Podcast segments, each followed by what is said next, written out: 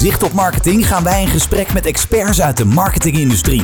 Ontdek hun geheimen en krijg waardevolle inzichten die jouw marketingstrategieën succesvoller maken. Vandaag de gast Ingmar de Lange en we gaan het hebben over het bouwen van een merk in het digitale tijdperk. Mijn naam is Thijs en tegenover mij, voor de mensen die kijken, zit uh, Rien. En leuk dat je kijkt of luistert naar alweer de 16e aflevering van uh, Zicht op Marketing. Uh, de online marketing podcast van Zicht. Ingmar, leuk dat je er bent. welkom in Arnhem. een mooie studio. Ja, nou ja, studio. we zitten bij ons op kantoor natuurlijk, voor de mensen die kijken.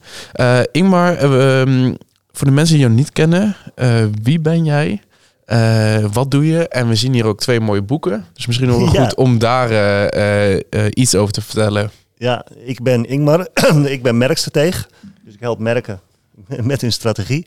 Mm. dus ik ben gewoon adviseur, consultant, hoe je het ook wilt noemen. Um, en ik heb iets heel doms gedaan. En dat is dat ik dacht, ik schrijf een boek. En dat kost helemaal niet zo heel veel tijd. En daar ben ik 2,5 jaar mee bezig geweest. En dat ligt oh. daarvoor. En ja. dat is het rode boek. Um, en inmiddels is dat um, uitgekozen door het marketingboek van het jaar. Um, en er is een tweede editie. Ja, dankjewel. Tweede druk. En dat is dat groene boek. Dus dat zijn dezelfde boeken, uh, maar ze hebben twee andere kleuren. Ik hoorde net al dat Rien een uh, foutje had gespot. Ja, ja, ja, ja, ja dankjewel. Ja, er stond een komma verkeerd. Ik had, ja. uh, op LinkedIn had ik gevraagd, van, ben je fouten tegengekomen? Laat het me weten. En hij was heel beleefd, één op één.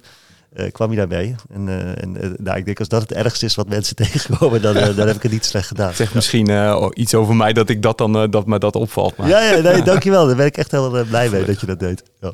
Ja, we gaan het dus hebben over het uh, bouwen van een merk in het digitale tijdperk. Ja. Uh, daar hebben we ook een stelling bij bedacht. En uh, Rien hebben we echt wel heel lang wakker ja, gelegen. Ja, jullie waren net dat zweten. Oh, ja.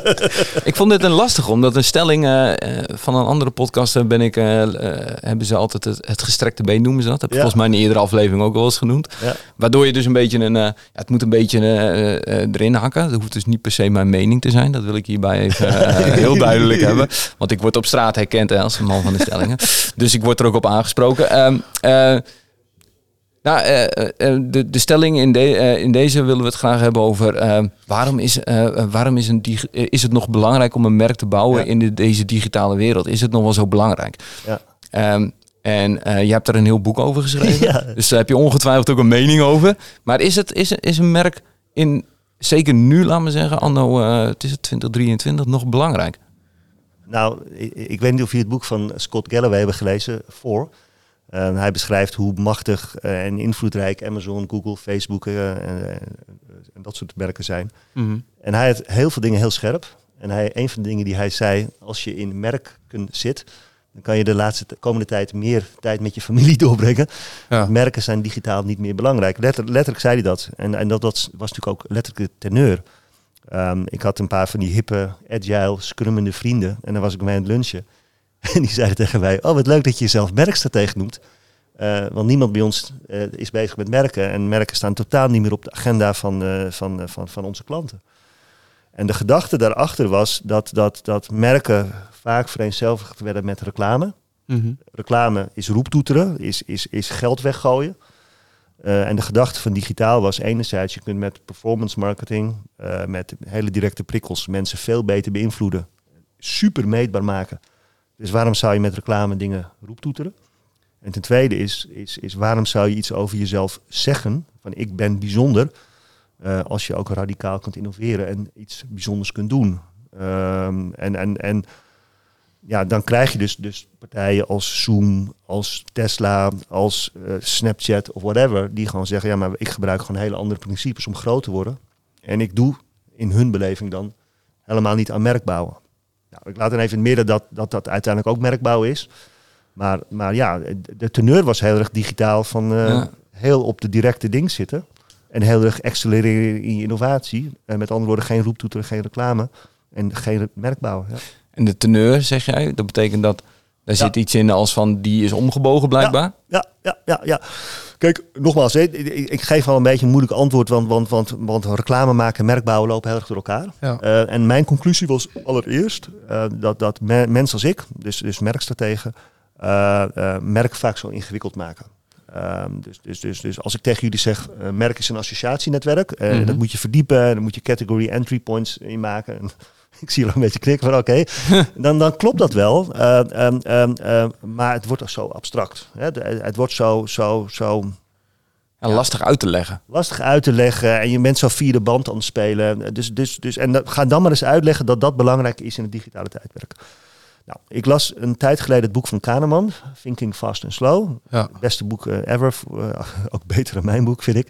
Uh, oh. ja, ja, komt, komt in de buurt. Hij kan niet zeggen dat het een marketingboek van 2022 is. Precies, maar hij is Nobelprijswinnaar van de economie, wat ook wat waard is.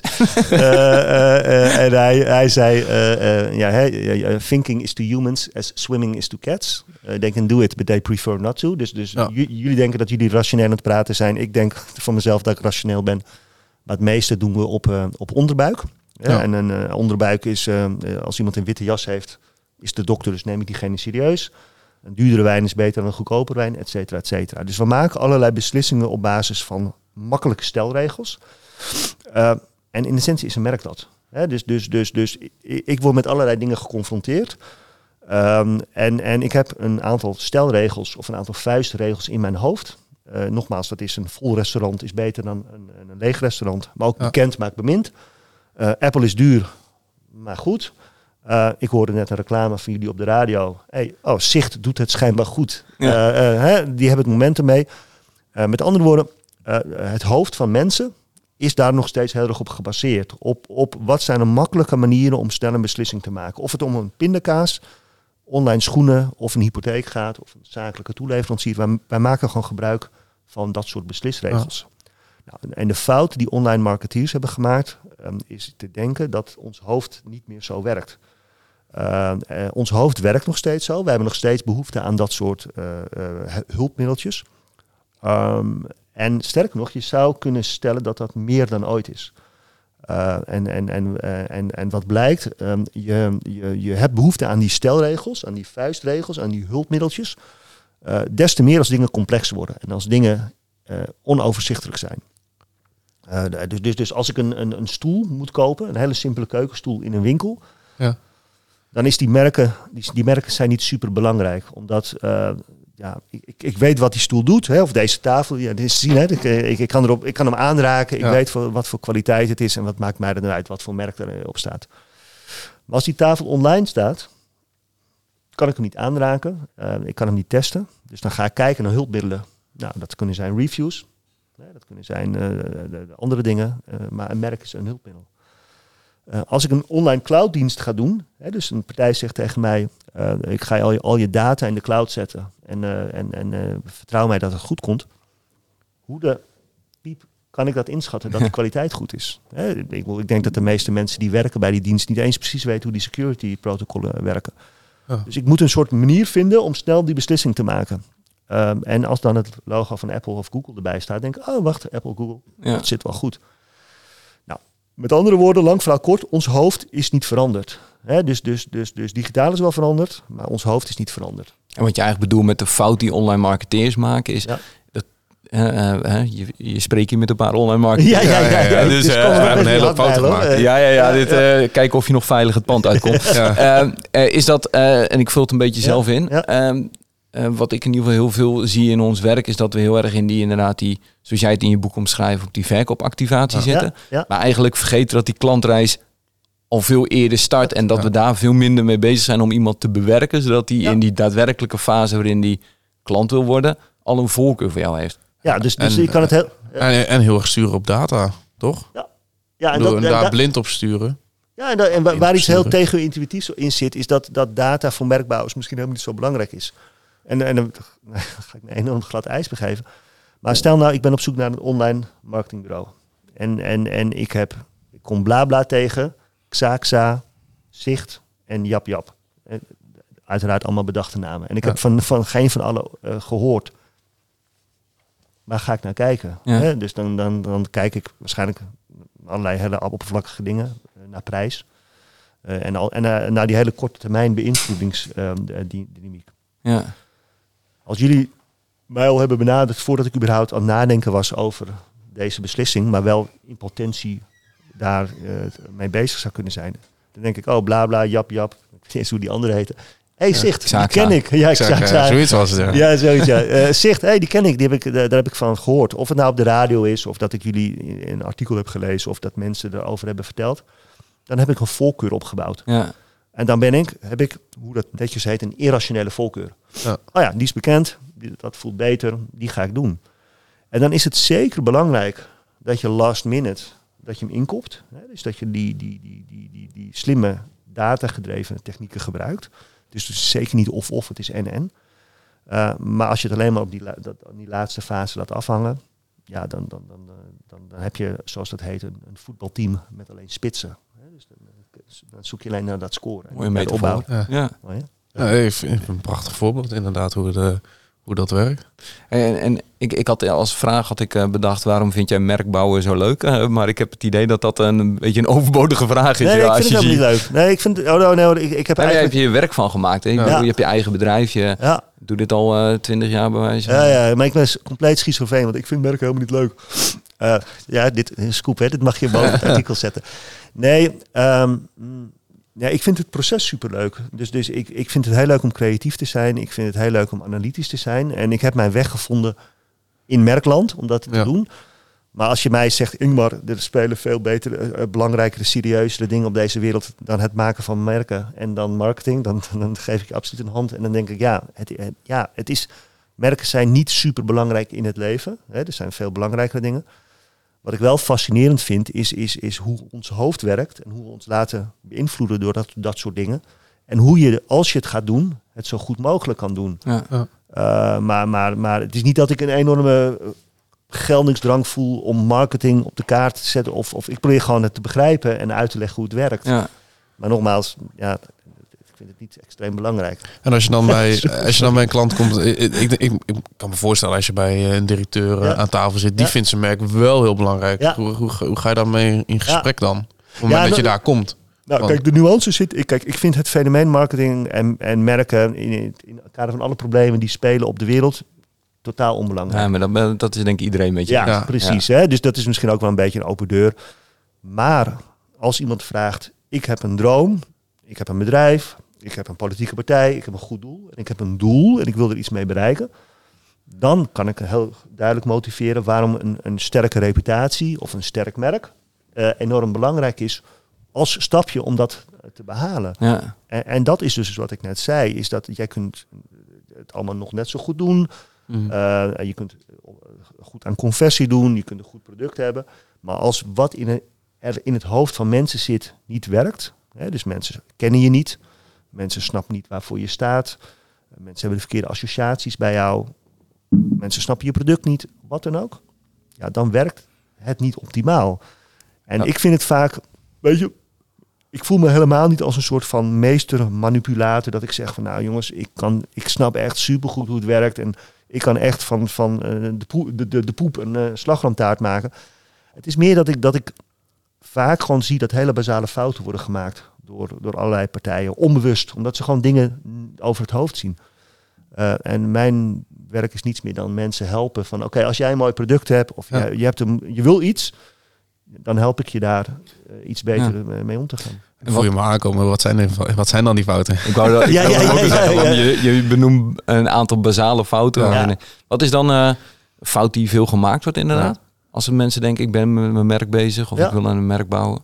Uh, nou, de, de, de, meest gestelde vraag die ik eigenlijk krijg is, is, is heel simpel. Is, wij hebben moeite om te duiden wie we zijn, waar we voor staan. dus iedereen, uh, we vertellen te veel, uh, het is te urgent. Of het, misschien is het, het is heel rationeel, ja. terwijl ook de onderbuik belangrijk is. Dat is de eerste fout. De tweede fout is dat er niet echt een keuze wordt gemaakt. Dat kan, kunnen keuzes zijn op, op heel bazaal niveau, op, op een stukje eigenheid, op een, op een stukje herkenbaarheid. Kan zitten op uniciteit. Uh, maar kan ook juist zijn op niet te uniek zijn, want anders word je mm. te specifiek en, en word je te niche.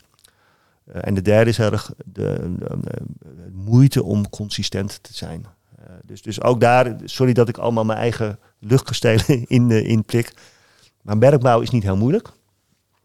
Het is alleen zo moeilijk om het consistent te doen. En om, om de keuze die je hebt gemaakt consistent door te voeren. En dat komt denk ik ook omdat het veel meer lange termijn is dan Ja. Kort termijn denken misschien wel. Dus ik kan me voorstellen dat als jij bij een CEO of bij een CMO aan tafel zit en hij zegt, uh, Ingmar, waarom moeten we aan het merk bouwen en, en wat uh, heeft het voor mij voor effect over drie maanden? Dat jij dan, ja, ja, dat, dat is er waarschijnlijk niet.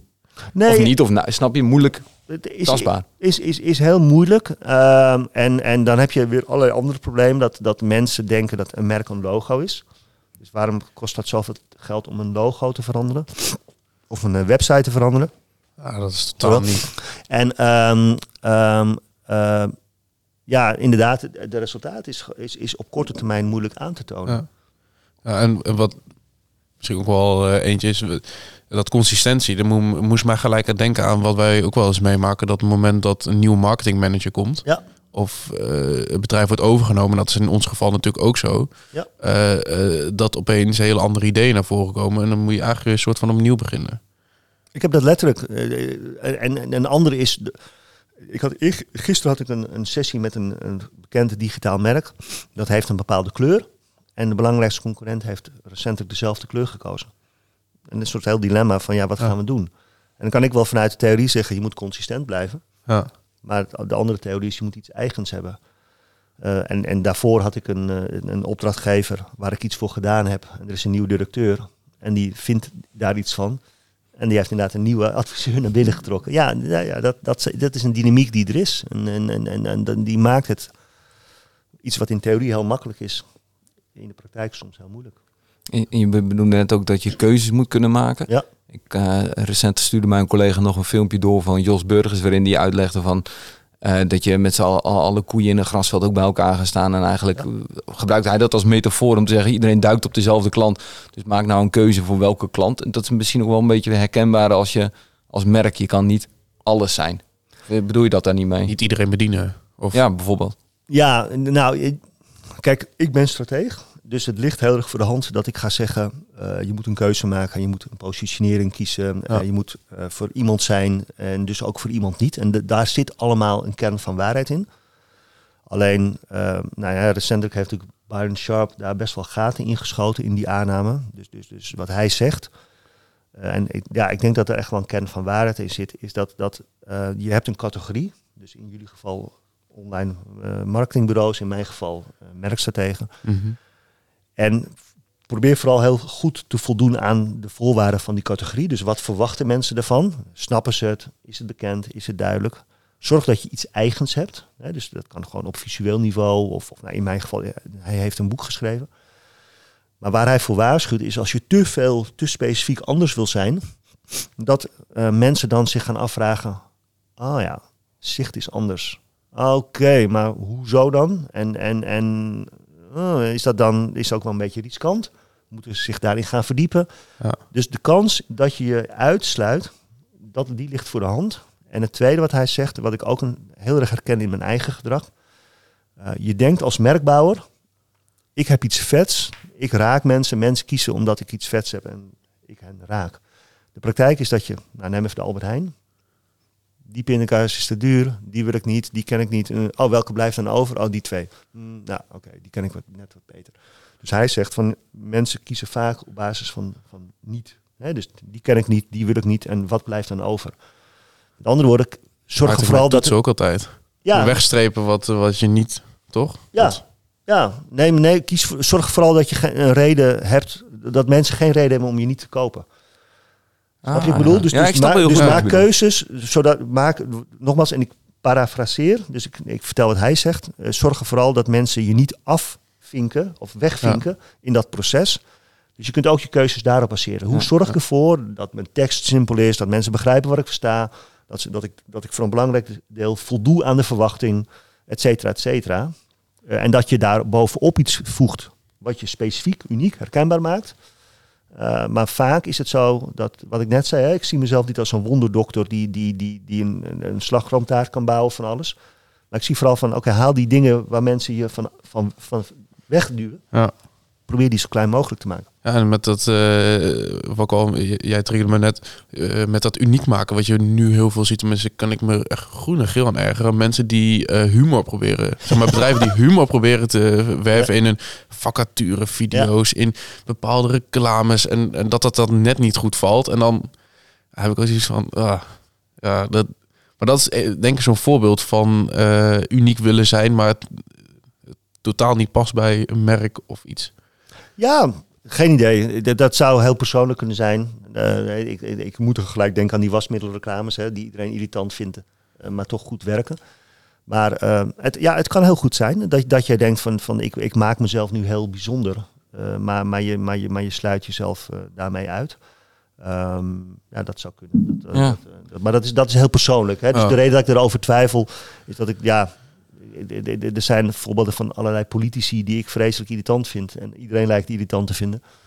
en die doen het toch vrij goed. Dus, uh, dus, dus, het is ook altijd lastig, want ik zie, ik zag laatst, dat is misschien een hele rare zijweg, maar ik zag laatst een politicus. het was namelijk laatst, laatst in het nieuws dat we met z'n allen minder gas hebben gebruikt uh, ja, afgelopen jaar. Ja. En er was een politieke, politieke K, denk ik, moet ik dat zeggen, een vrouwelijke politica, ja. politica, die uh, tweette daar iets over van hey, positief en die werd eigenlijk ook vooral op social media helemaal neergezabeld door mensen die zeiden ja, maar dat komt er op mensen niet meer kunnen betalen. Snap je? Die, die het is heel lastig soms om, uh, zeker met, uh, op social media, met iedereen die heel makkelijk zijn mening geeft. Ja. Er is altijd wel een invalshoek om te bedenken die dan negatief wordt uitgelegd. Zeker, ja. zeker, zeker. En dat, en dat maakt keuzes maken ook weer zo moeilijk. Ja. Dus, dus ja. je noemt politie, politici. Ik ben ook wel benieuwd, want het digitale tijdperk hoort natuurlijk ook, je had vroeger celebrities en naar tv-sterren. nu komt er een hele groep, groep influencers bij. En we hebben wel eens eerder gehad met een andere podcast over dat een persoon van een bedrijf wil naar voren moet komen, bijvoorbeeld op een LinkedIn-pagina, dat soort dingen. Uh, betekent dat in de toekomst dat je naast een digitaal merk bouwen, je ook een soort van personen gaat bouwen binnen je bedrijf, die je naar voren stuurt? Of hoe denk jij daar ook? Of influencers hebben het ook een bepaalde ja. positionering dus als het dus denk ik ook voor uh, even bijvoorbeeld een André Lom bij wijze van spreken is het niet zo belangrijk dat hun mensen heel erg op de voorgrond komen. Maar voor een bureau als wij zijn, uh, is dat denk ik anders. Hè? Dan heb je veel meer je personal brand nodig. om mensen, uh, dus, dus denk ik een verschil tussen B2B en B2C bij wijze van spreken. Ja. Misschien wel. Ja, een aantal dingen die in mij opkomen.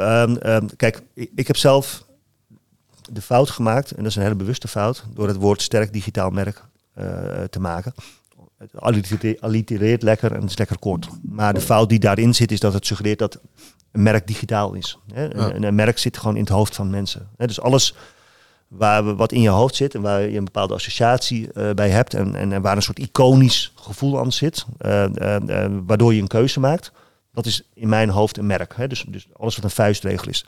Dat kan zijn de paarse fles van de shampoo, kies ik. Hè, want ik weet dat die, uh, nou in mijn geval, mijn dame heeft me uitgelegd dat ik die moet kopen. maar het kan ook een beroemdheid zijn. Hè. Dus als, als een bepaalde DJ een, een concert heeft of, of, een optreden, dan, dan ga ik daar naartoe, want ik ken die naam. Uh, dus, dus, dus, en, en wat je dus vroeger zag, is dat, dat, dat het iconisch maken van een, een, een bepaald beeld, dat was voorbehouden aan grote commerciële partijen, omdat je moest adverteren. Ja. Uh, tegenwoordig is dat natuurlijk in bepaalde mate niet meer zo. Dus, dus, dus, dus, dus je kunt van alles een icoon maken. Hè? Dus, dus van, een, van, een, van, een, van een persoon, van een virtueel personage. Uh, bewegingen zijn natuurlijk ook in bepaalde mate iconisch. En daarmee zie je bepaalde dingen door elkaar gaan. Als jij als, als, als influencer een icoon bent geworden, ja, dan ben je in essentie gewoon een merk. Of je nou een logo hebt of niet, of dat je een paarse kleur hebt of niet. Oh. En dan kan je dus gaan samenwerken met, met, met andere merken. Uh, dus, dus, dus, en dan is de volgende vraag, moet je daar als merk uh, gebruik van gaan maken? Ja, en dan is ja, de, de, de meest simpele vraag natuurlijk van, werkt dat voor jou? Uh, en de tweede vraag is, vind je dat passen? Um, um, nou ja, er zijn allerlei dingen waarvan ik vind dat ze niet passen. Dus ik, heb die ik ben een maand in India geweest en ik heb die discussie niet enorm gevolgd over de M&M's en, en de woke en, en nesten daarvan. Oh ja. Maar ja. Ja, uh, weet je, ik heb daar een hoog, uh, maakt mij dat nou uit, uh, gevoel. Ja. Maar ik zie natuurlijk wel in dat als je op de korte termijn die dynamiek slim gebruikt, en dat je daar, daar, daar, daar, daar goed mee kunt scoren. En, en dus als jij je zegt van ja, maar wij maken geen pinda-chocolade, maar wij zijn een team van mensen met, met overtuigingen en dat vinden wij belangrijk. Ik kan me heel goed voorstellen dat dat werkt als dat bij je past. dus als je echt authentiek daarmee bezig bent. En ik kan me ook voorstellen dat, dat je daar super opportunistisch in kan zijn en dat het ook werkt. Ja, dat, eh, dat, dat kan ik me iets bij voorstellen. Het punt wat jij denk ik maakt, is dat, dat mensen het wel logischer vinden en meer verwachten van merken om op die manier naar buiten te trainen. En ja, dat is waar. Ja. ja.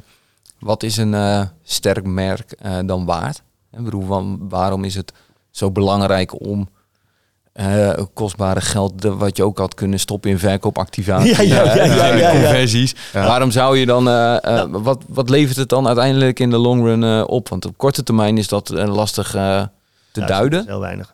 Ja, kijk, wat ik wel moet zeggen, hè, want, want, want dat is nu het leuke van dit gesprek, hè, en, en, en ga daar vooral mee door. Ja, jullie zijn even gechargeerd gezegd van de performance, ik ben gechargeerd gezegd van het merk. Ja. Uh, uh, maar het is en-en. Dus, dus, dus mijn deel zou nooit kunnen werken zonder jullie deel. En, mhm. en jullie deel zou niet kunnen werken zonder mijn deel. maar als je dus vraagt... kijk, het, het rare en tegenintuïtieve is dat merkbouwen richt je op mensen die niet bezig zijn met jouw product. Dat klinkt heel gek. Um, ik, ik, mijn handen zijn te zichtbaar. Hè? Dus dit is de customer journey. Um, hier ga ik iets kopen. Uh, en hier ja, ben ik niet heel erg bezig met die aankoop. dat kan zijn een online marketingbureau, merkstratege, pindakaas, uh, matrassen of wat dan ook. Um, het punt is dat als, je mij, als ik wel in de categorie zit, dus, dus ik, zit, ben, ik ben geen peuter of zo, weet je, iemand die het nooit zou kunnen doen. Maar ik zit in die, in die situatie dat ik er ooit zou kunnen komen. Op het moment dat je mij beïnvloedt, dus ik, ik kom je tegen, ik begrijp waar je voor staat, ik denk dat je betrouwbaar bent, dan ben ik dus een, ja, een vuistregel in mijn hoofd uh, ontstaat er. Ik ben een voorkeur aan het opbouwen. En wat daarmee gebeurt, is dat op het moment dat het in jullie terrein komt, dus ik ga echt serieus overwegen dat ik, uh, dat ik uh, iets wil kopen, ja. dan zorgt een sterk merk ervoor dat ik eerder voor jullie zou kiezen. En dat, dat noem je het volume-effect. Dus je wordt gewoon vaker gekozen, dus je zet meer om. Uh, en het marge-effect. En dat is dat ik minder prijsgevoelig ben. Dus ik denk dan, poeh, zicht, nou, dat valt me best tegen. is een hoop geld. Maar ja, dat vind ik wel logisch, want het is een autoriteit. Ik heb ze op de radio gehoord. Het, het is een premium merk. Of het kan zo zijn dat ik gewoon in het algemeen denk van een online marketingbureau inhuren is best wel duur. Niet eens dat jullie duurder zijn, maar gewoon dat ik het algemeen uh, een hoop geld vind. Dan denk ik, nou ja, als ik het dan doe, dan doe ik het met een partij die goed zit. Hm. Dus, dus lang verhaal kort, merken maken meer winst. Dat is gewoon, dat is statistisch één op één. Een sterker merk zorgt voor meer winst, omdat ze eerder gekozen worden. Mm Volume-effect en, en minder uh, prijsgevoeligheid uh, creëren. Hè. Dus mensen, je, je, kunt, ze kunnen een hoger bedrag vragen. Of ze zijn eerder in staat om dat hogere bedrag waar te maken. Ja, ik vond, ik vond het mooi, want uh, ChatGPT, dat is natuurlijk gelanceerd. Die, die vroeg op een gegeven moment, hadden ze ook een formulier. Ja. en dan vroegen ze van hoeveel, hoeveel ja, we zijn bezig met het bepalen van de prijs. Hoeveel denken jullie dat het waard is? Maar ik denk dat dat ja, uiteindelijk hoger zou zijn dan zij daadwerkelijk in eerste uh, in gedachten hadden. Zeg maar. Omdat ja, wat, wat je het waard vindt, uh, is heel anders dan wat het misschien moet kosten. Ja, waarde is, is in, en dat, ook dat is heel tegenintuïtief. Waarde is iets volledig irrationeels. Dus je denkt van waarde is, is geld en, en 10 euro is, is meer dan 9 euro. Maar ik heb laatst weer een Apple laptop gekocht. Ik durf het niet eens te zeggen voor hoeveel geld. Uh, uh, nou ja, 4600 euro. En ik vind het een bizar bedrag. Echt, in, als ik er te veel over ga nadenken, denk ik, wat een onzin. En toch, op het moment dat ik in die winkel sta en denk, ja, het leven is heel simpel. Ik wil een Apple en niet een andere. Ik heb een nieuwe laptop nodig. Ik, het is vet al mijn rationaliteit verdwijnt. Uh, en ik kies dat dan en voor veel te veel geld. En, en, en maak mezelf wijs dat dat een slimme keuze is. En dat is een deel, ja, het Apple-effect. Maar een ander is, is dat ik mijn dame eh, een paar dagen geleden uh, op Valentijnsdag uitnodigde voor een restaurant. Heel romantisch. En dat, Wat lief. Ja, ik ben nu even punt aan het scoren. Hè? Ja, ja. en, en, het, en het restaurant zei, wij hebben een speciaal Valentijns diner voor je. Ja, mijn rationele brein zegt, ja, ik snap het wel. Dat is een idee dat uh, duurder is dan normaal. En ook dan ben je super irrationeel. Dan denk je, ja, de vuistregel is, ik, ben, ik hou van mijn geliefde. Ik trakteer haar op een Valentijnsidee. En ja, en dan ben ik minder prijsgevoelig. Dan mag het meer zijn. Uh, en, en dat is natuurlijk wat merken in bepaalde mate doen. Die, die, die plakken een soort Valentijnsgevoel, uh, om het zo maar te zeggen, op een ervaring, waardoor jij van denkt, nou ja, dan kies ik het toch maar eerder of dan ja, ben ik bereid daar meer voor te betalen. Onze collega's in Hoofddorp die, uh, uh, die, die zeggen ook altijd uh, sales overnight en brand over time. Ja. En dus dat is volgens mij hun mantra. Dus ik wilde hem nog even ingooien voor de mensen die daar luisteren. Dat we daar echt wel al gehoord hebben in Arnhem. We weten wat ze ermee bedoelen. En, maar dat, is een dat sluit wel heel erg aan op wat jij zegt natuurlijk. Je bent veel meer bezig met de lange termijn. In plaats van op korte termijn iemand naar binnen trekken. Ja, kijk. En wat, wat, wat als ik dan even in jullie en, en ik ga zitten en, en corrigeer me als, als, ik het, als ik het fout heb. Maar volgens mij wat jullie doen is het volgende. Dus metaforisch gezien loop ik door een winkelstraat. Ehm, ehm, en ik, ik ben op zoek naar onderbroeken. En ik weet waar de HEMA voor staat. En ik zie een uithangbord van de HEMA. En dat uithangbord werkt enorm goed. Want als dat uithangbord er niet is, dan loop ik langs die winkel. Ik, ik vergeet het of ik weet niet dat de HEMA daar zit. En ik zie het uithangbord van de HEMA en, en, en nou, ik loop eerder naar binnen uh, en, en, en, en dat soort dingen. Dus het is één op één aantoonbaar dat het uithangbord duidelijk neerzetten, dat dat converteert. Alleen het fout die dan op een gegeven moment gemaakt wordt, is dat, dat de HEMA of merken die minder bekend zijn denken, oh ja, maar dat uithangbord converteert, dus ik ga alleen nog maar uithangborden hangen. Waarop op een gegeven moment ik dus niet weet, ik kom dus langs zo'n winkel en er hangt een bord van Wap Ik, geen, ook wist niet dat ze bij Wap onderbroeken verkochten. Dus ik weet eigenlijk helemaal niet waar ze voor staan, omdat dat voortraject niet gebeurd is. Ja. Of ik denk, ja, HEMA, oh, dat, is, dat, is, dat is van vroeger. Dat is, dat is totaal, daar wil ik echt niet meer mee gezien worden. Of, of, of, of wat dan ook. Dus dat uithangbord is extreem belangrijk. Maar, maar dat, die fase daarvoor, dat ik snap dat WAP WAP of, of wat dan ook ergens voor staat. Of dat dat duurzaam ondergoed maakt. Of dat het een hele toffe groep mensen is. Of dat ik daarmee gezien kan worden op Valentijnsdag. Uh, dat, die, die fase is ook belangrijk. Ehm, eh, en dat is nogmaals wat ik zei. Hè, dat is net als als je gaat kijken naar het voetbalteam. Wie scoort er nou het meest? Nou, de spits. Ik ga mijn hele team in spitsen inrichten. En nou, ik weet weinig van voetbal. Maar je mist een stukje opbouw dan. hey, je, je wel met uh, zeg maar, gezien worden. ik ben wel benieuwd hoe je... Dit kwam in mijn hoofd, maar je hebt zeg maar, de Noordface. Ja. Dat is, een, dat is een best wel groot merk. En, en hun, zij staan natuurlijk voor in de bergen activiteiten.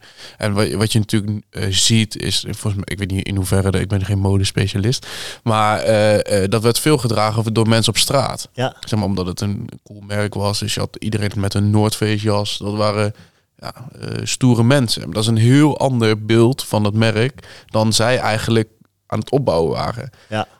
Uh, ik vind dat heel bizar hoe dat, hoe dat werkt. Is dat, is dat iets wat je, wat je gewoon moet laten gebeuren? Of hoeveel invloed heeft dat? Ja, op, ik ken wat diegene, zeg maar, wat je probeert op te bouwen. Ik ken die case niet super goed, maar ik, en ik weet niet of ik dat correct heb. Maar het was natuurlijk een outdoor eh, merk van origine. Uh, En wat dicht bij mijn hart staat. Uh, en waarom ik het merk heel tof vond. Volgens mij, ik weet niet of het nou overgenomen is, maar ik heb het idee dat volgens mij zijn er andere investeerders ingekomen of een ander beleid die iets hadden van hey, dit heeft potentie of er begint iets te gebeuren op, op straatcultuur. En zijn het daardoor heel erg uh, dat imago zijn, zijn ze gaan vertalen naar straat.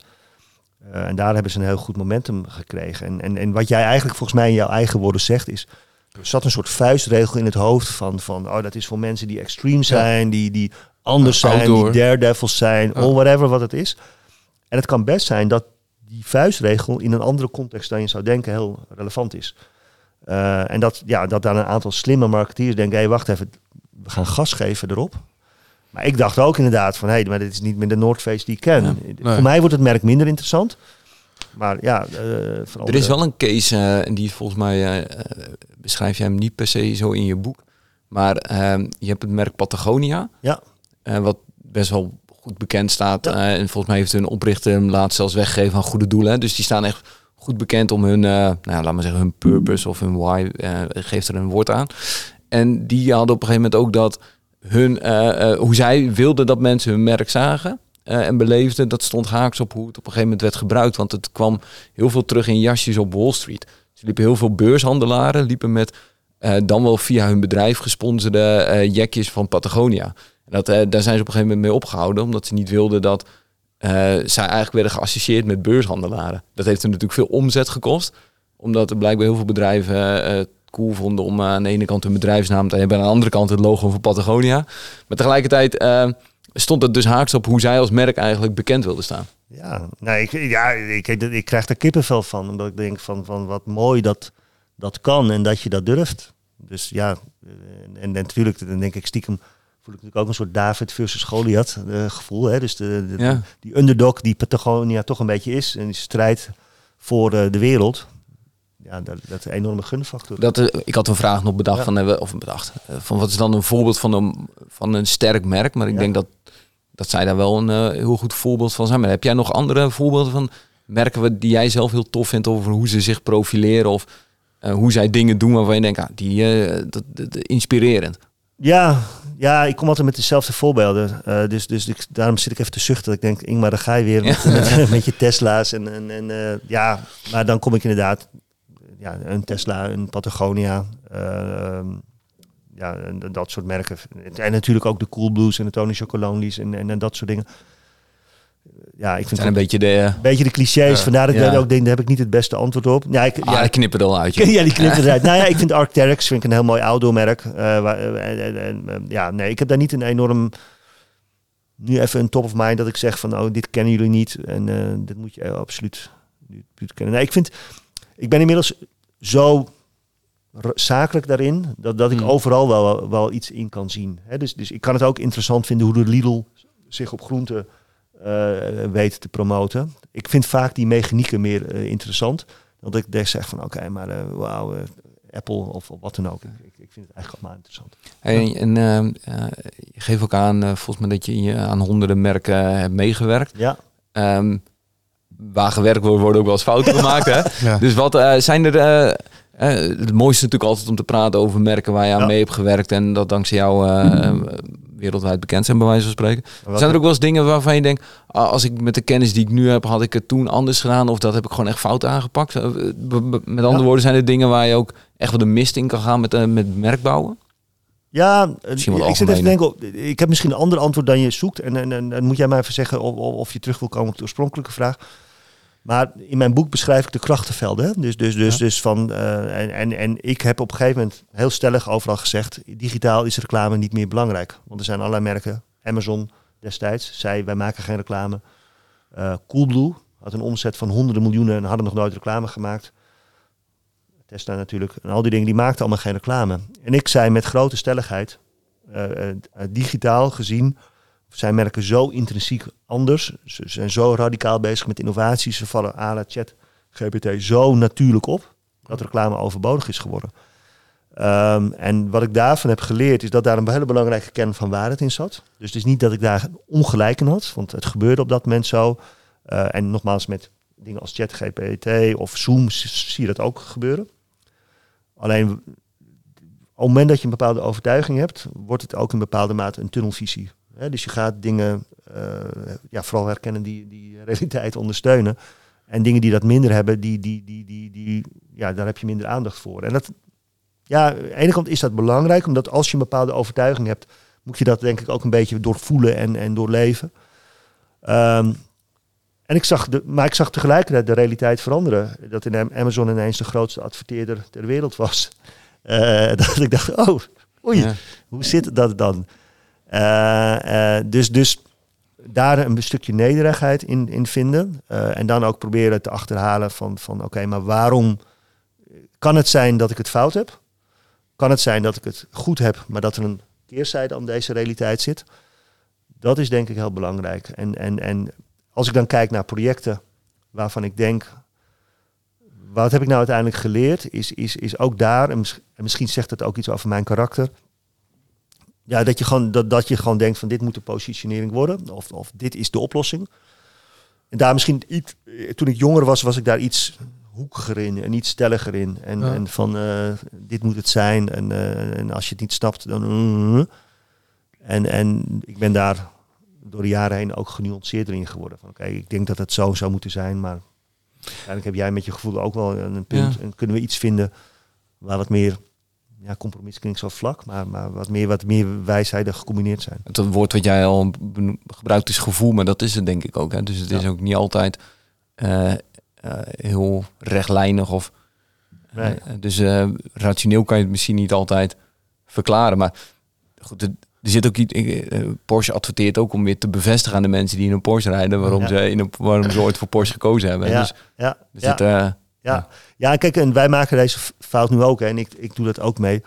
Kijk, merken bouwen, wat ik steeds zeg, hè, bouw je in het hoofd van mensen. En dat doe je met wat je zegt en met wat je doet. Dus dat kan met een hele goede service, een heel tof product, een stunt, een PR en met reclame. En, en het is natuurlijk een beetje dat, dat heel vaak merk bouwen of marketing wordt verward met reclame maken.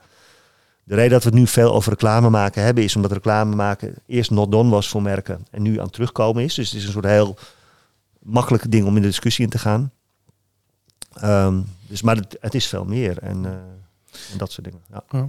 En, en um, is het ook vooral met name belangrijk voor B2C of hoe zie je dat in de. Want we hebben ik zit even te denken aan de klanten die uh, van ons die nu luisteren, die uh, in de zakelijke markt, uh, dus business to business zitten.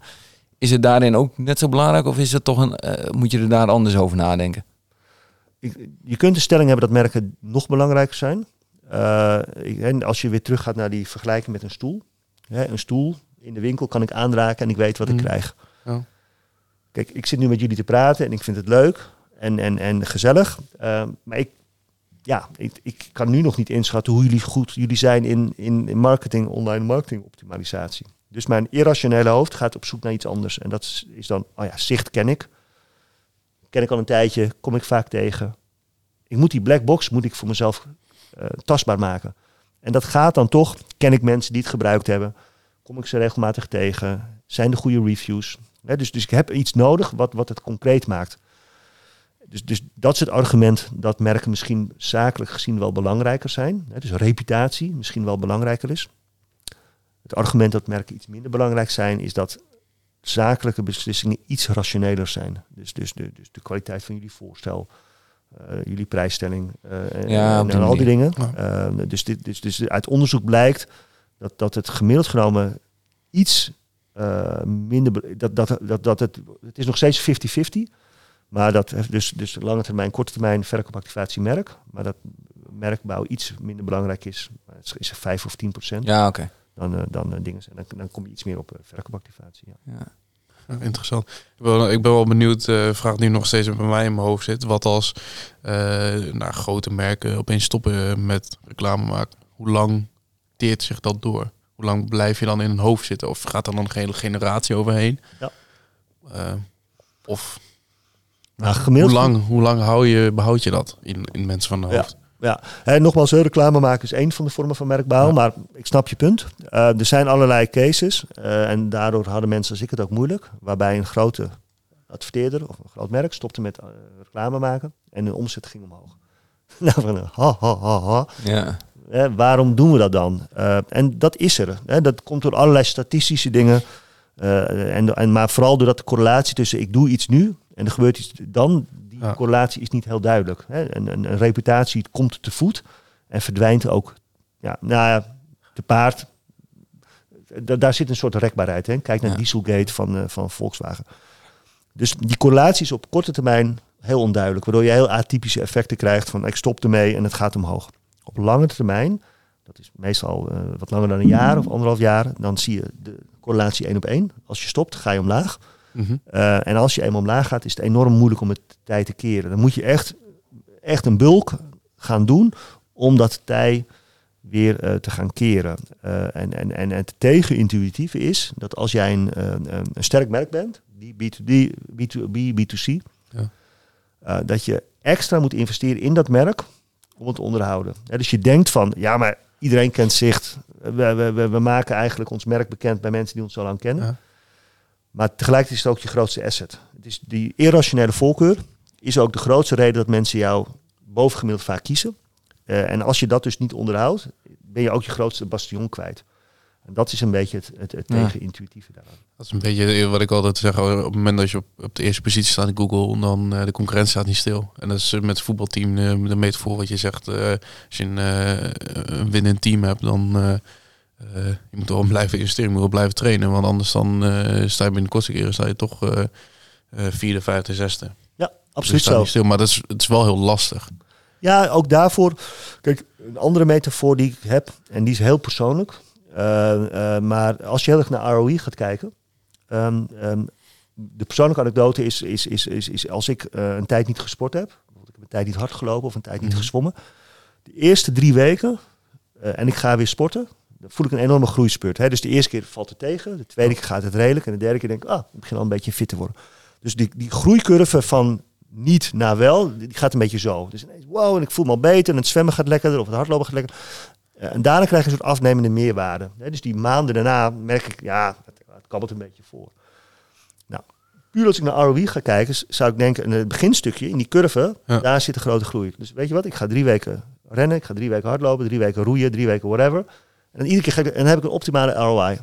Eh, maar ja, jij, ik zie jou denken van, ja, meen maar, je krijgt pas een goede conditie als je het volhoudt. Hè? Als, Ja. je het, als je het structureel, ook al is die ROI niet altijd even groot op dat moment.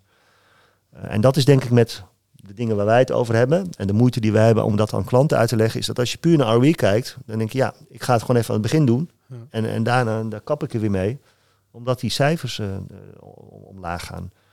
En het moeilijke van digitaal is, en dat lijkt me ook echt oprecht heel moeilijk in jullie werk, is dat er eh, hele harde cijfers zijn die, die enorm tot de verbeelding spreken.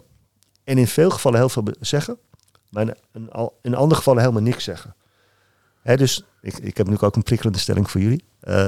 Nee, ja, ja, ja, ik Knip zie er ook wel weer uit. Dat, alles Nee, valt te editen. Nee, nee, nee. nee. nou ja, ik, ik, ik, kijk, wat ik ook in mijn boek schrijf. de correlatie tussen CTR, click-through ratio, en effect. Of je nou een verkoopeffect hebt, of eh, merkeffect, of begripsbekend, is nul. Hè, dus, dus, dus, dus, dus, dus, dus als jij kijkt van, van, eh, van ik ga kliks sturen en ik heb een doelstelling, whatever die doelstelling ook is, daar zit nul correlatie tussen. Oh. Terwijl kliks extreem goed eh, te meten zijn. Dat is toch al de, de, de welkende stelling, KPI moet geen doel zijn.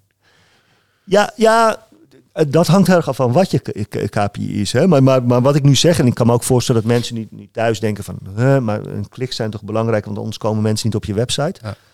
Maar hoe ik het het beste kan uitleggen, is dat... eh, eh, offline voorbeelden zijn het makkelijkste dan. Als ik ga kijken wat bij een omzet beïnvloedt in een winkel... dus een, eh, eh, gewoon een winkel... dan is het waar dat als er meer mensen in de winkel zijn... dat mijn omzet omhoog gaat. Hè, dus er is een correlatie tussen- een aantal mensen in de winkel en ook o- omzet. Nou, vervang die aantal mensen in de winkel tot, tot kliks. Dan denk ik, oh wacht even. De manier om meer omzet te krijgen is dus zoveel mogelijk mensen in de winkel te krijgen. Dan wordt dat een doel op zich. Dus dan zeg Ja. ik, ik doe de deuren open. Iedereen die langskomt, ga ik een gratis ijsje geven. Kom maar, maakt niet uit wie je bent. Kom maar binnen, kom maar binnen. En hier, ineens staat die winkel vol met mensen. Alleen die mensen die komen voor de ijsjes of die komen voor de poppenkast of omdat er een DJ staat en die zijn helemaal niet bezig, die weten niet waarvoor je staat. Die, die, die, die zijn er ook min of meer een beetje beland. Uh, en dan blijkt ineens die correlatie tussen hoeveelheid mensen en omzet, begrip, voorkeur er niet meer te zijn. Uh, en wat er is, er, er hangt iets boven, namelijk uh, ik zeg maar wat een goed product of een leuke actie. En op het moment die leuk is, krijgt hij en meer kliks en meer bezoek. Of en meer mensen in de winkel en meer omzet. Dus, dus dat heet dan een niet-kausaal verband. He, dus dus die, die twee die gaan wel omhoog, maar dat komt niet doordat die omhoog gaat, dat die omhoog. Nee, er zit iets boven. Ja. Uh, en dan krijg je dus een zo'n tegenintuïef ding, dat, dat, dat mensen zeggen, oh maar jullie zijn van zicht, uh, ik wil meer kliks. En jullie gaan erop aansturen. En dan gaat die, die gaat groeien, dus je hebt heel veel mensen in de winkel. Maar dat zijn helemaal niet mensen die per definitie ja, geschikt zijn, die, whatever, met welke slinkse trucjes je hebt, ze hebt laten klikken. Dan krijg je dus een hele tegenintuïtieve ja. reactie. Nou, ga daar maar eens aan staan om dat uit te leggen. Ja. Soms is het wel, uh, we, hebben ook, we hebben ook wel klanten gezien dat op het moment dat ze op tv actief zijn, ja. dat we ook wel echt, echt wel zien dat uh, conversieratio verbetert.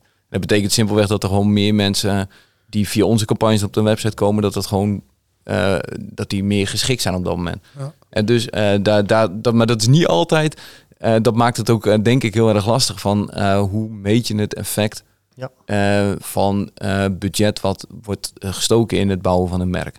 Ja. En wij zien het bijvoorbeeld bij een klant recent nog gedaan dat we daarin wat meer budget zijn, zijn verschuiven.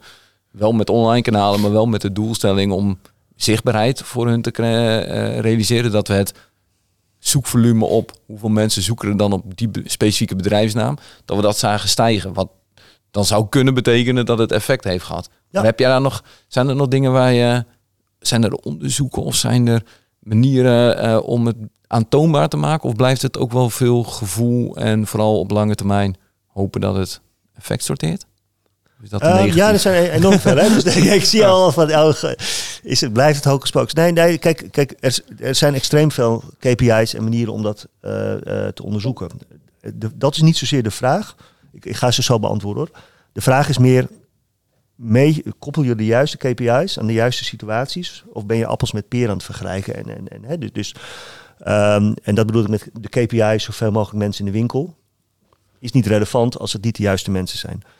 Uh, aan het begin van dit gesprek zei ik van dat een sterk merk ervoor uh, zorgt dat mensen eerder kiezen. Dus het volume-effect en minder prijsgevoelig zijn. Dus ja, ik zou aanraden om aan het begin gewoon te kijken van, van, van heb je natuurlijk van hè, de bekende, kennen mensen jou? Hè, dus hoeveel mensen kennen jou? Dan heb je geholpen bekendheid, ongeholpen bekendheid. Um, uh, hoeveel mensen hebben voorkeur? Uh, hoeveel mensen zouden jou kiezen boven de anderen? Uh, hoeveel mensen zouden iets meer bereid zijn te betalen? Dat zijn meer een beetje de wat meer lange termijn dingen. Ja. En op, op, op, op dat, dat, dat hè, dus dat is die voorbereiding die ik net schetste, dat mensen ja. nog niet gaan kopen. Op het moment dat, dat mensen daar dichterbij komen, kun je meer gaan meten.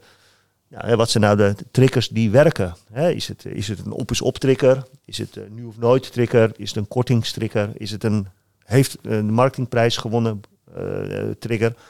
Dan ga je op een ander niveau ga je dat, ga je dat meten. En volgens mij de kern waar het om gaat is dat je een visie hebt. Dat je zegt, oké, okay, er zitten een aantal stappen in. En ik weet ook dat dat in de, in de praktijk zo gaat. Ja, maar dat je, door elkaar. Ja, dat je, dat je iets moet gaan bouwen. Uh, uh, kijk, waar ik het altijd mee vergelijk, is, is, is, ik heb van die momenten dat ik als, want ik ben gewoon een zelfstandig consultant, hysterisch in de paniek ben, omdat ik denk van, uh, ik heb geen business. Dan is, mijn dan is mijn intuïtieve reactie, ik ga mensen bellen om te vragen of ze opdrachten voor me hebben. Dus dan is het van, hallo, u kent mij niet en ik weet niet wat uw probleem is, maar heeft u een opdracht voor mij? Dat, weet je, misschien als ik dat heel veel doe, werkt dat. Wat mij rust geeft is niet van, oh wacht even, ik, moet zoveel mogelijk uh, belletjes doen. Nee, oké, okay, ben ik de laatste tijd zichtbaar geweest? Snappen mensen waarvoor ik sta? Ik ga het in, in knipjes opbouwen. En dan ja. weet ik ook wel dat er klanten zijn die in, in tien jaar hier doorgaan en die ineens zo gaan, oh, sorry, sorry, zo gaan. maar het geeft mij houvast om te weten van ja, als mensen me niet kennen, dan gaan ze me ook niet kiezen. Als mensen me niet, als ik geen actualiteit heb, ook niet. Dus door, door aan die dingetjes te gaan draaien, ja. Uh, ja, doe je ja, aan funnel-optimalisatie. Uh, er is geen betere manier om je autoriteit te bevestigen dan een boek te schrijven. Nee, ja, ja. precies. Ja, dus, uh, maar dat is ook de enige reden overigens. Hè? Dat, als ik heel eerlijk ben, ja. Slim.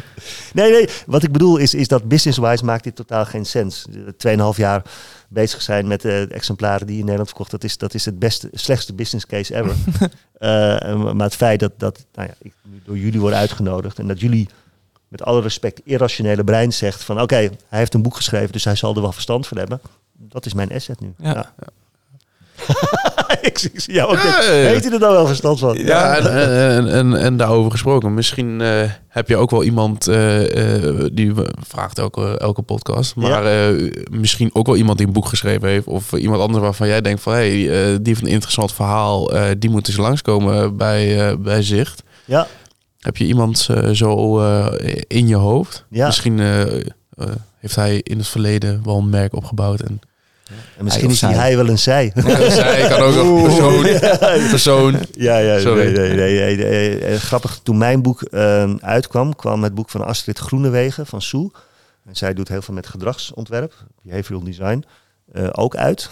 Um, en dat boek was Volgens mij nog net iets dikker dan van mij, maar dat was wel een beetje nog gelijk. Dikker. ja, ja, ja, nog, nog, nog waanzinniger. Dan gaan we weer een paar avonden. Ja, ja, ja, ja precies. uh, dat had ook rood-wit vormgeving. Toen dacht ik, oh, dat, uh, dat, uh, dat zit in elkaars verlengde. Um, in positieve zin. Dus, dus daar zit een gemeenschappelijke energie in. Um, en, en haar boek is ook heel goed ontvangen. Um, en ik vind wat zij doet, dus behavioral design, sowieso heel erg interessant. Um, dus ja, ik, en ik denk dat in alle eerlijkheid veel van wat jullie doen, daar veel verwantschap mee Ja. heeft. Hè? Dus, dus wat zij eigenlijk onderzoeken, is hoe kun je met gedragstriggers, of hoe kun je met triggers het gedrag van mensen beïnvloeden. Daar zitten ook lange termijn triggers in. Hè? Dus, dus bekendheid of, en al die dingen. Maar ook gewoon heel veel korte termijn ingrepen. Uh, hè? Dus als ik, ik, ik wil haar werk niet zo bagatelliseren door dat, maar als ik een ander kleurtje of een ander uh, triggertje zet, dan gaan mensen ineens hele andere dingen doen. Ja. En, en, dat lijkt mij interessant. Dan gaan we eens in verdiepen. Ja. het begint altijd bij het boek lezen. Ik heb ook eerst jouw boek gelezen voordat ik dacht, zal, zal hem uitnodigen. Dus, ja, precies. precies. het boek eens opsnorren. Want, want, ik weet niet of we daar nog tijd over hebben. Want ook, ook dat is confronterend voor mensen als ik. Hè? Want, want, want uh, ik weet niet of jullie dat in het boek gelezen hebben. Maar bijvoorbeeld Google uh, heeft in onderzoeksopstelling een, een experiment gedaan. Waarbij ze de merkvolken van mensen, hè, dus iets waarvan ik heel erg aan het propageren ben, de lange termijn, en dan moet je in investeren, met een paar hele simpele triggers compleet om zeep wisten te helpen. Um, hè, dus, dus, dus uh, ja, ik, ja, ik zie jou lachen. Dat, en dat is waar. Hè. Dus, dus het is waar dat, dat je een hele goede reputatie op kan bouwen. Dus alles kan doen wat ik zeg. En, en nou, dan heb je een sterk merk. En dan komt er een soort van opportunistisch online marketingbureau. Uh, dat, dat, dat met een paar korte termijn triggers. Van uh, nu uh, 200% korting als je ons belt. of allemaal reviews heeft. Ik laat even in het midden of die dan echt zijn. En dat jouw klant zegt, ja, zicht ken ik wel, maar, oh, maar die hebben een paar honderd euro korting. Hey, ik ga toch voor die andere. Ja. ja. Nou, en daar kom je dus ook in dat landschap van die twee werelden, de korte termijn en de lange termijn, van ja, maar waarom zou ik in die lange termijn investeren als, als mensen zo vatbaar zijn voor die korte termijn triggers? Nou, en ik denk dat het antwoord voor een deel is, wees je daar bewust van. Dus, dus, dus ook daarvoor is het zeker niet alleen doen wat ik zeg. Uh, ga ook voor die korte termijn en, en die korte termijn triggers. Uh, want daar kun je winnen, maar kun je ook vooral heel veel verliezen als je dat niet goed doet. Zeker als je concurrenten dat, dat, dat goed doen. Um, anderzijds is de keerzijde weer dat veel van die, en, en daar zal Astrid ongetwijfeld een genuanceerde verhaal over hebben, maar veel van die triggers die online worden gebruikt zijn relatief makkelijk te, uh, te imiteren. Hè, dus, dus, dus ik had laatst, was ik op zoek naar online tandenborstels of zo, of echt een of ander product waar ik niet zoveel van wist. Al die sites hadden 9 punten nog wat als ja. review. En er waren allemaal fantastische reviews. En er waren allemaal tandartsen die ze aanprezen. Dus weet je, het, natuurlijk beïnvloedt het mij. Want, want degenen die dat niet hebben, hebben vallen dan af. Ja. Maar het is wel gelijk een soort level playing field. Dat je denkt, oh ja, iedereen gebruikt dezelfde trucs. Uh, en dan heb je natuurlijk de ene kant dat het altijd weer spelers zijn die slimmere trucs gebruiken. Maar daarom ook weer, weet de balans te vinden. Weet welk spel je speelt. Uh, weet de kracht daarvan. En weet wat, wat, wat, wat daar de beperking van is. En, en merken zijn beperkt in de zin dat ze op korte termijn weinig effect hebben. En dus in, ja, door slimme opportunisten met slimme prikkels om zeep te helpen kunnen zijn. Uh, maar weet ook dat die slimme triggers ook maar een hele korte termijn uniciteit kunnen hebben. En dat uiteindelijk heel vaak mensen dan toch weer terugvallen. Oké, maar op welke van die twee ken ik dan het beste? Ja. Dat was volgens mij ook, uh, dan, uh, dan houden we echt op volgens mij. nee, in, jouw, in jouw boek geef je ook aan, er, zijn volgens, er is ook een onderzoek van, er zijn ondertussen 175 aanbieders van online matrassen. Ja. Snap je dus hoe, uh, waarom heb ik het wel over Emma en niet over Matt Sleeps of uh, wijze van spreken? Ja. Uh, want in principe doen ze allemaal hetzelfde. Dat, en, nou, en dat is, de, de Engelse tekst is from brands to blends. Ja. Hè, dus tot, tot, tot, een grijze massa. Ook dat is dus een nadeel aan het, het, het korte termijn meten. Nogmaals, je moet het zeker blijven doen. Maar het nadeel kan zijn, is dat, is dat je tot dezelfde conclusies komt. Dus een schreefloos design, een clean website. Uh, nou, he, jij snapt het allemaal. Het wordt allemaal heel Google, Apple-esque. Uh, uh, het komt er allemaal hetzelfde uit te zien. Um, en een van de basiswetten, heel simpel, is, is dat een, een merk een mentaal ankertje is. En een mentaal ankertje werkt als het iets eigens heeft. Gewoon dat je denkt van, oh ja, dat is zicht en dat zijn die anderen. Oh ja, ja. het telt eerder op ook daar dus zie je digitaal dat, dat het zo gericht is op die korte termijn, zo gericht is op die cijfers, dat dat, dat soort basale merkwetten, dus hoe het hoofd van mensen werkt, uh, uh, over het hoofd wordt gezien. En dat je dus inderdaad krijgt dat allerlei partijen hetzelfde doen, hetzelfde zeggen. Ja. ChatGTP, uh, iedereen gebruikt ChatGPT straks. Ja. En er komt straks een soort generieke eenheidsworsteling die je ja, oh, op bepaalde mate helpt. Maar daar, daar zit toch wel, daar moet iets opkomen. Waardoor jij echt appartement. En, dat, en dat, dat vind ik echt oprecht leuk van mijn werk. Er zit een stukje serendipity, ontastbaarheid. Uh, waarom werkt het nu wel en waarom werkt het dan niet in? En dat, dat blijft heel interessant om dat een beetje proberen te, te doorgronden.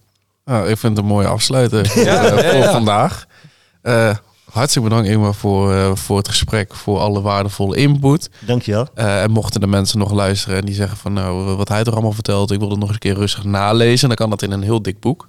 Straks nou, ook toegankelijk geschreven, hè? Ja, nee, dat klopt. Nee, dat klopt. En ik vond het mooi, dat, je, dat, dat zie je niet in heel veel boeken, dat je uh, de leestijd erboven hebt staan. Oh ja, hoe, hoe, lang het duurt om iets te lezen. Dat vond ik wel, uh, en, uh, en nog idee. ondertussen gefeliciteerd. Je, bent op, op je hebt de eerste 100 pagina's gehad. Zit er nog een pagina tussen? Ja, ja, ja. ja. Nee, leuk. Uh, ja, dat klopt. Uh, in het een linkje op, opnemen naar, uh, naar Zeker. managementboek of wat is het? van dure management. Ja, ik maak niet uit. Er komt sterkdigitaalmerk.nl Zeg het hard genoeg. Oh, iedereen bedankt voor het kijken of luisteren. En dan zie ik jullie weer bij de volgende aflevering. Doei. Doei. Dit was Zicht op Marketing. Volg ons in je favoriete podcast-app en mis geen enkele aflevering. Check onze andere podcast op zicht.nl/podcast.